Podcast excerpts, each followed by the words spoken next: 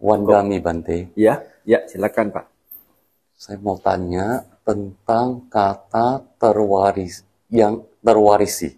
Seperti Oh, yang kamang karisanti karya nangwa papa kangwa tasadayado bawi santi ya kan berarti Ya. apa pun yang kita perbuat karma apa pun yang kita perbuat baik dan buruk Mm-mm. itulah yang akan kita warisi iya. yang warisi ini kapan Yang yang Pak?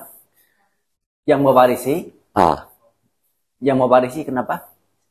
seperti Kapan? aha kapan Oh, kapan? aha Oh, oke. apakah dalam kehidupan sekarang atau kehidupan yang akan datang Iya. atau ada seperti safety box ah simpan dulu Oh, iya. Ah, Terima kasih, baik, Bante. baik. Hmm. Ah, para dewa harus punya banyak-banyak safety box.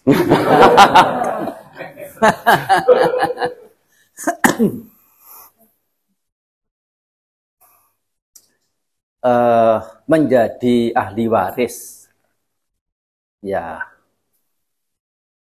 ahli waris. Kalau yang eh, istilah pewaris itu apa? Pewaris itu yang mewarisi atau yang mendapatkan warisan? Susah ya? Iya, pewaris itu kita susah mengertinya. Eh, harus dilihat di KBBI. Eh, tentang itu hanya istilah saja. Oh. Artinya apa? Buah, ya, buah apa pun akan kita dapatkan atas segala sebab berupa perbuatan yang kita lakukan, yang baik ataupun yang buruk. Nah, perbuatan itu memberikan buah kapan waktunya? Meskipun banyak penjelasan, khususnya rinci dalam pustaka pengulas. Misalnya ada eh, misalnya Garuka Kama, ada eh, Acina Kama, ada apalagi eh, Katata Kama, satu lagi ah, lupa juga. ada 12 apa namanya ini eh, pengkategorian. Hmm. Bagaimanapun secara umum buah karma itu eh, muncul di sejenak, tapi patut diberi tanda petik kata sejenak itu.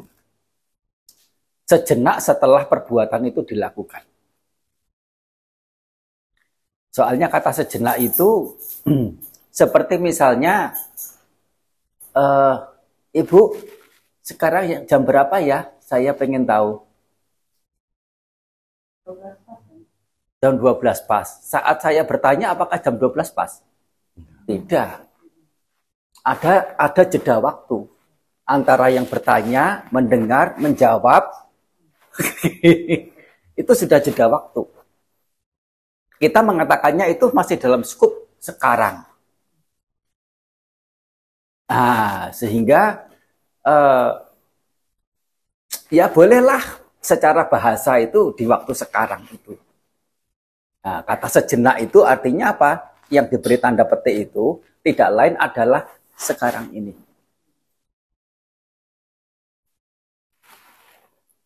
Karma itu sesungguhnya walaupun diartikan perbuatan yang dimaksud adalah sesungguhnya pemikiran atau niatan atau kehendak atau faktor-faktor tertentu dalam batiniah yang mewarnai batin disebut karma.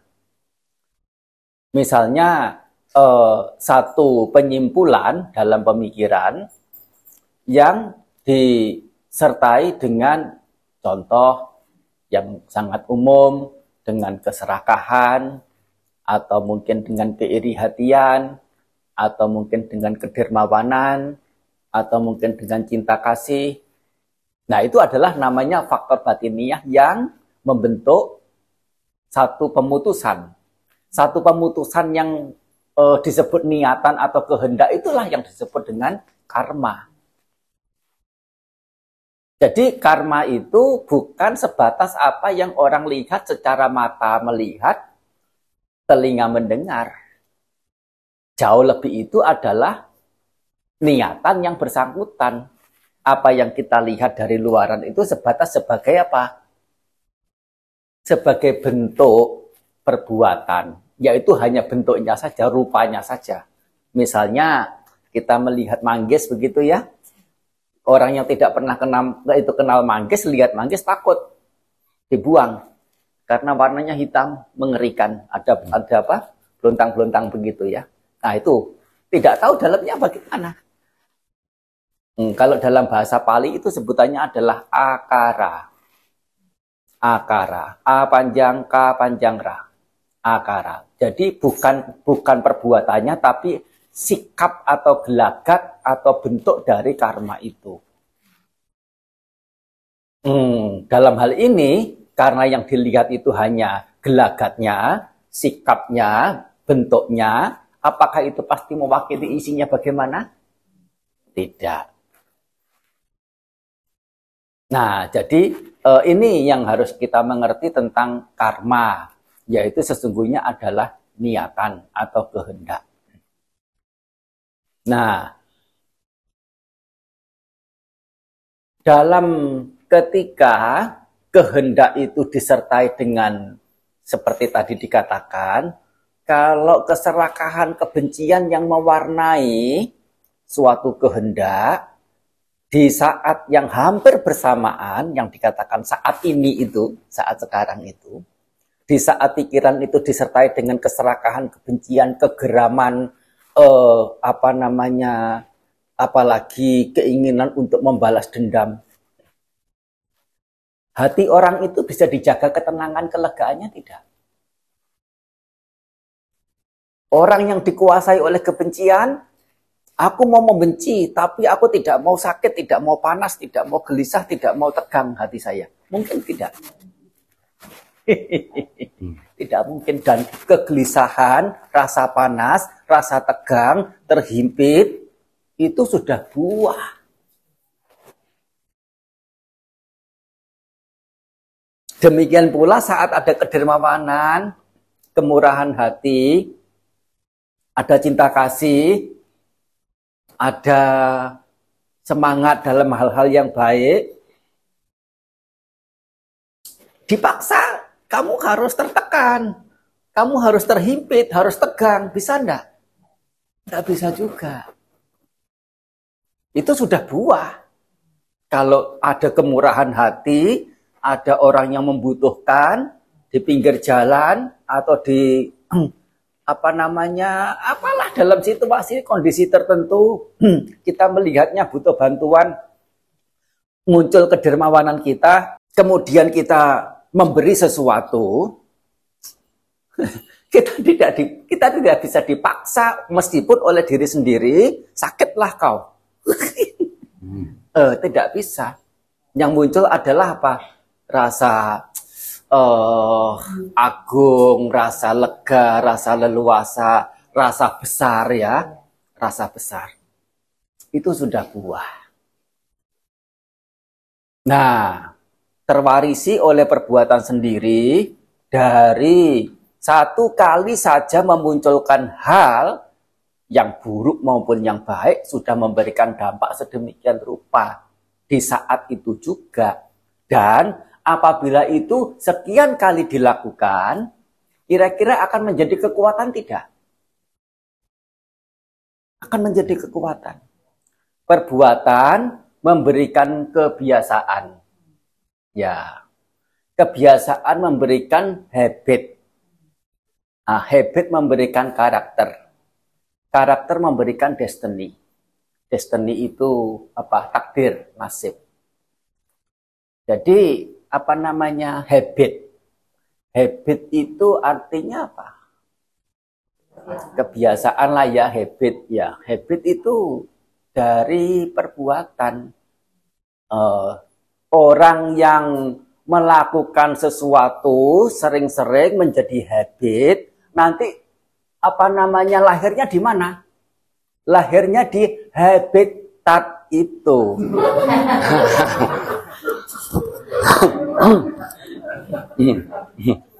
Betul enggak? Betul.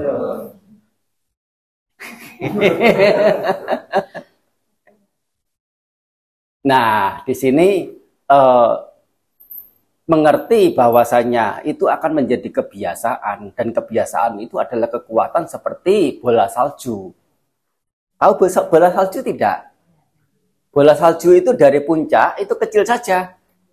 Tetapi apa kalau dia menggelinding itu dia akan semakin padat dan semakin menarik salju yang ada di permukaan yang longgar itu. Nah, semakin lama semakin ke bawah, semakin gelinding cepat, semakin membesar membesar membesar. Nah, itu namanya ya seperti itu, baik yang buruk maupun yang baik. Nah, hati-hati itu ya. Nah, makanya eh, Sang Buddha mengajar karma bukan untuk menakut-nakuti. Apalagi karma lampu kau loh, kehidupan lampu loh, ini loh, ini loh. Terus kemudian dicocok hidungnya untuk harus begini, harus begitu, harus apa. Dan harus takut ini, takut itu, takut apa. No. Setidaknya bukan semata-mata untuk itu melainkan untuk apa? Untuk menjadi aware, untuk untuk menjadi sadar bahwasanya saat ini adalah saat yang perlu berhati-hati untuk nah setidaknya tahu apa jalan menuju pada keselamatan kebahagiaan. Jalan apa yang mengarah ke hal yang merugikan yang mendatangkan uh, derita. Lebih dari itu juga uh, menjadi punya rasa tanggung jawab pada apa yang diri sendiri lakukan. Bukan menyalahkan si A, si B, bukan menyalahkan Tuhan, menyalahkan setan, menyalahkan uh, apa nenek moyang, menyalahkan siapa. Dan lebih dari itu, diajak untuk tegar dalam menghadapi situasi kondisi. Tegar bagaimana? Kalau memang segala sesuatunya dari diri sendiri, bukan dari siapa pun yang lain, Terima dong dengan ketegaran. Toh bukan dari siapa pun yang lain. Nah, ini sesungguhnya karma diajarkan oleh Sang Buddha. Balik pada buah karma tadi. Hmm. Buahnya apakah hanya hmm, di saat seseorang itu mengerjakan saja, tetapi lebih dari itu adalah juga saat setelah apa namanya ini uh, perbuatan itu meskipun hanya sekedar berpikir hmm, di waktu-waktu kemudian kira-kira itu membentuk jiwa tidak hmm. kalau apa namanya seringnya itu iri hati didasari dengan kekikiran yang kuat didasari dengan kebencian itu sudah menjadi sering, menjadi habit. Nah, kira-kira mindset dia itu bagaimana ke depan itu?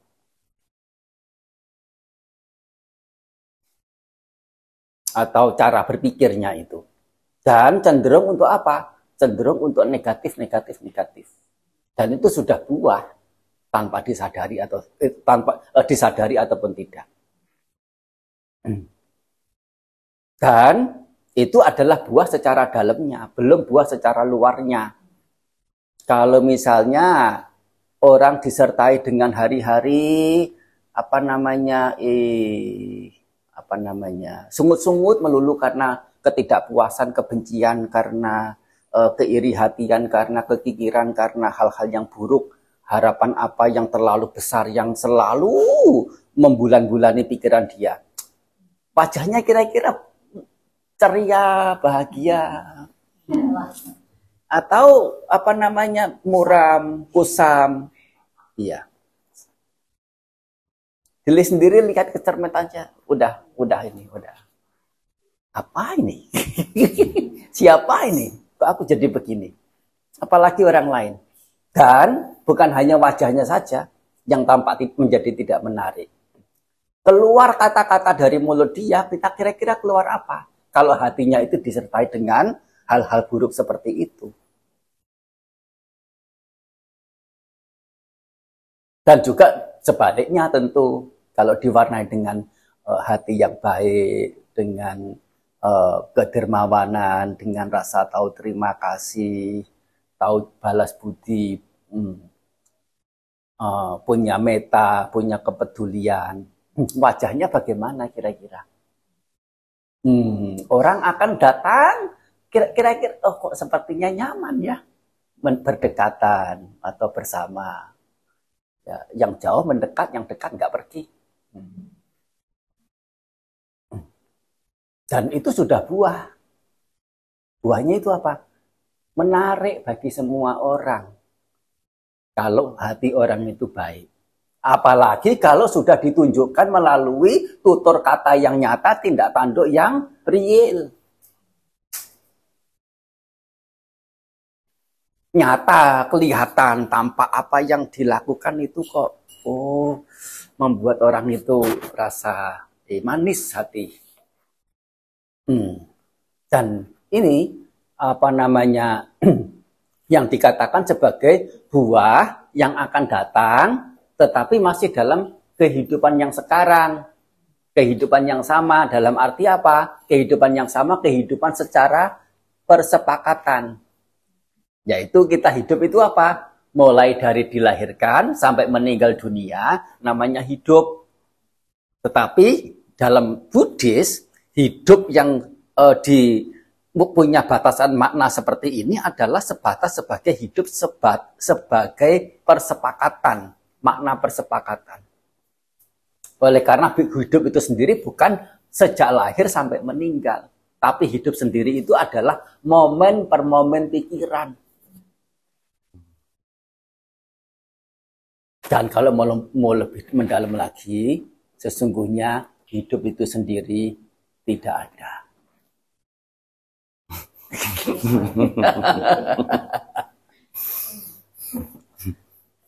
Tapi ini perlu pemahaman yang lebih mendalam.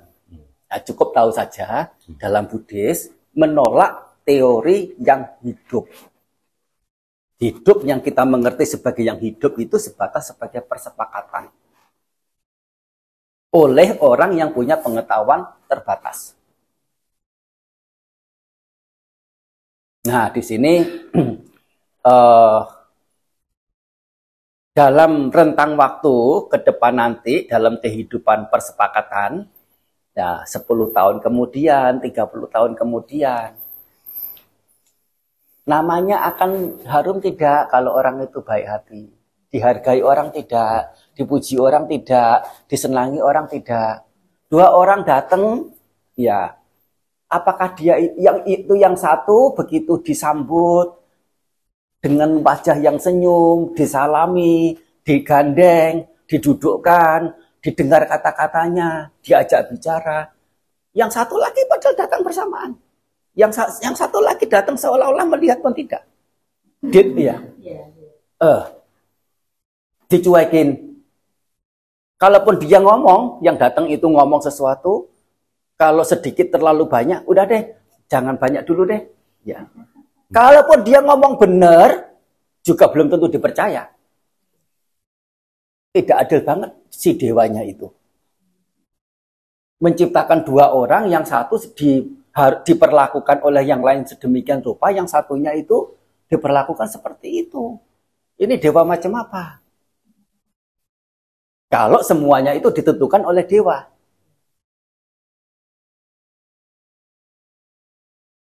Ya kan? Nah, itu semua ada penyebabnya. Yang satu kata-katanya lurus, jujur, komitmen, kata-katanya halus, manis, lebih dari itu sering membantu, ringan tangan. Apalah yang baik-baik? Nasihatnya, ya dari nasihatnya, kata-katanya apa begitu ya? Ya memang yang muncul dari hati dan dia juga dalam batasan tertentu itu juga menjalankannya, orang ya muncul respect, muncul menghargai, apresiasi itu adalah hal yang biasa. Tapi yang satu itu sering bohong, sering menipu, sering tidak komit, sering apa janji-janji hanya apa namanya PHP saja. uh, apa begitu ya? Satu dua kali oke, okay, tapi kalau sering kali kemudian bagaimana orang akan melihat dia? Jadi kedua orang itu datang, apakah dewa yang membuat di mereka itu menjadi berbeda? Yang benar aja, itu fitnah terhadap dewa.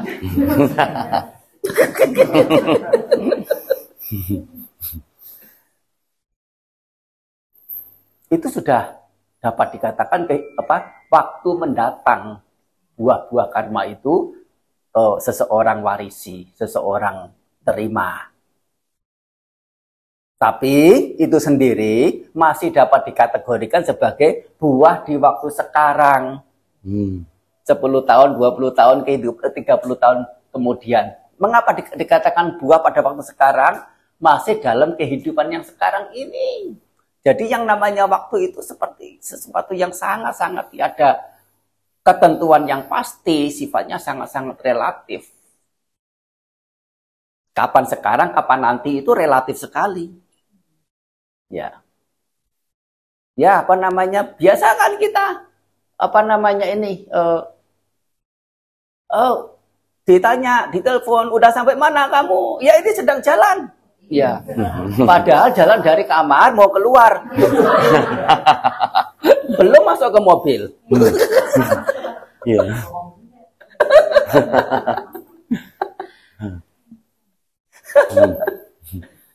yang ketawa-ketawa itu pastinya ini mengalami ya. Iya, iya.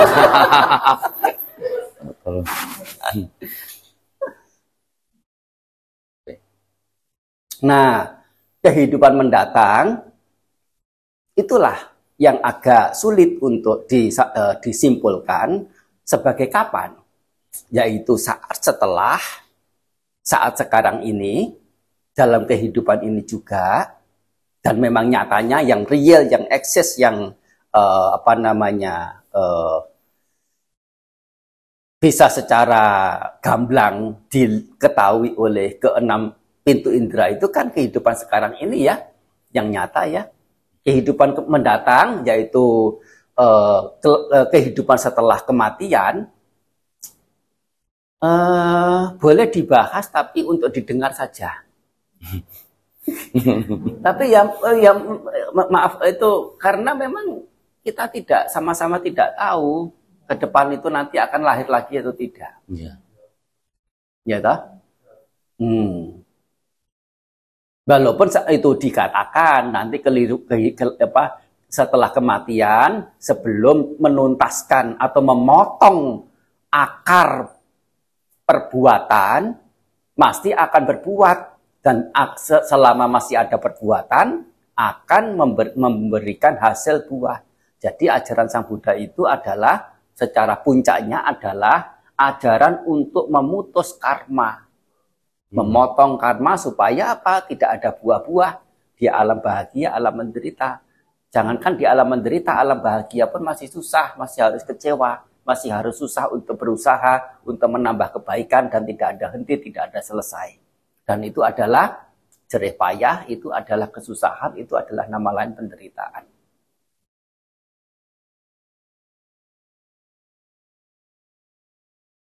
Nah, eh, balik lagi ke tentang kehidupan mendatang sehingga dalam hal ini terhadap kehidupan setelah setelah kematian tidak perlu di apa namanya dibesar-besarkan yang penting adalah nyata saat mendatang dalam kehidupan ini juga apabila itu nyata memberikan hal yang positif kenapa tidak untuk yeah. dilakukan. Jika nyata itu merugikan diri sendiri, kenapa tidak untuk di, dihindari? Enough, cukup di situ. Tentang kehidupan mendatang, jika tidak ada, setidaknya kehidupan ini sudah merasakan, sudah memilih yang terbaik. It's okay kalau kehidupan mendatang ternyata uh, tidak ada. Tapi kalau ada, ke mana larinya? Nggak akan lari jauh-jauh. Kalau selama di dunia ini, yang dilakukan, yang difokuskan adalah hal-hal yang bajik, ya hal-hal yang mulia. Mau ke mana? Tetapi kalau kehidupan mendatang itu juga betul-betul ada, keburukan yang dilakukan, ya jangan mohon-mohon. Selama hidup berbuat buruk, ya mohon, ya bagaimana supaya diampuni segala dosanya. Hmm. Mau enak sendiri. Mau enak sendiri. Nah, dikatakan, ya dikatakan, buah karma itu untuk kehidupan mendatang, jika kehidupan mendatang itu ada, atau setidaknya percaya ada, berbuahnya bukan hanya untuk kehidupan mendatang saat setelah kematian itu, tetapi sekian kali kehidupan, sekian puluh kali kehidupan, sekian ratus kali kehidupan untuk satu perbuatan. Jangan main-main. Itu yang namanya konsekuensi karma. Beda dengan hukuman dari perbuatan. Kalau hukuman itu dari sosok tertentu. Ah, e, bersalah apa, dihukum jangka waktu berapa, didenda apa, setelah dendanya dibayar, dilunasi, hukumannya sudah dijalani, selesai. Menjadi orang yang normal seperti biasa. Tapi yang namanya konsekuensi ini tidak bisa disamakan dengan dengan hukuman pihak-pihak tertentu. Hukuman sudah selesai gara-gara permisi bicara, ya kecurangan tertentu lah atau ketidakbagusan tertentu. Sudah menjalani hukuman tiga tahun. Setelah keluar dari penjara, daftar ke sana ditolak, daftar ke sini ditolak, mau bergaul ke mana di, dijauhi, ya diremehkan, bisik-bisik, Iya, rasanya bagaimana itu? Kita ada, itu seseorang datang gitu ya, kemudian yang lainnya itu dia itu melihat rasanya gimana itu? Meskipun tiga tahun dia sudah menjadi orang normal, tiga tahun sudah dia jalani itu, selesai sudah. Dia punya hak untuk bersama dengan masyarakat. Tapi itu tidak bisa dengan yang namanya hukum alam, yang namanya konsekuensi. Hmm. Buah perbuatan. Hmm. Nah, jadi kapan buah perbuatan itu memberikan buahnya? Ya, secara dasar itu ada dua, yaitu di saat sekarang, eh, saya ulangi sekali lagi, saat sekarang itu sesungguhnya adalah sejenak setelah pemikiran itu muncul. Tidak usah sampai ke ucapan atau tindak tanduk. Itu sudah ada buahnya. Dan ya buah-buah yang pada masa mendatang. Tetapi buah masa mendatang ini masih dibagi lagi, yaitu masa mendatang yang dekat dan masa mendatang yang jauh ke depan nanti entah itu 100 kehidupan mendatang, 250 kehidupan mendatang masih memungkinkan memberikan buahnya. Meskipun itu, nah makin lama seperti bola itu dihentakkan ke lantai, ya akan apa namanya?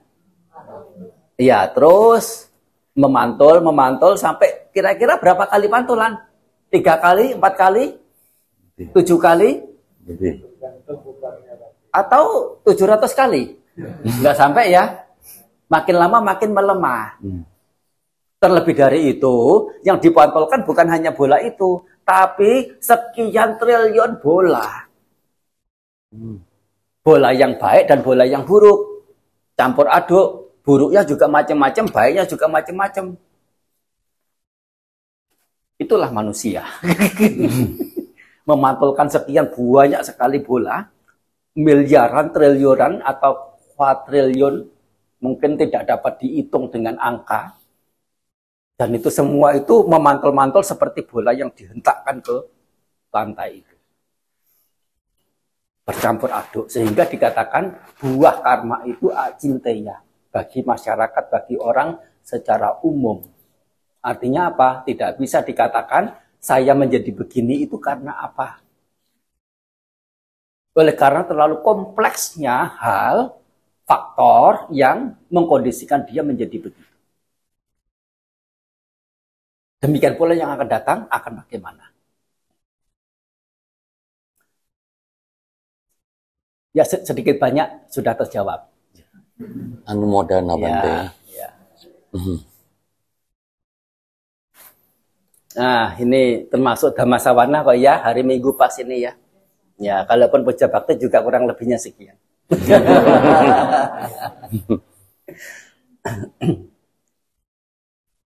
Sapitiyo wiwajantu